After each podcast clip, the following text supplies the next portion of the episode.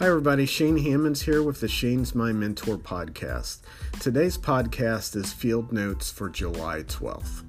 I was encouraged this week to keep going. To be clear, I wasn't contemplating about quitting, but just like you, I can question if something is worth the hard work, frustration, and sacrifice.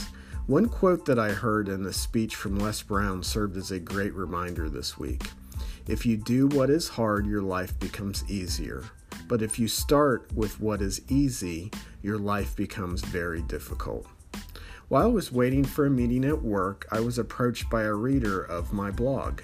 Although it was a brief interaction, I was very encouraged by her kind words around the value of my daily blogs.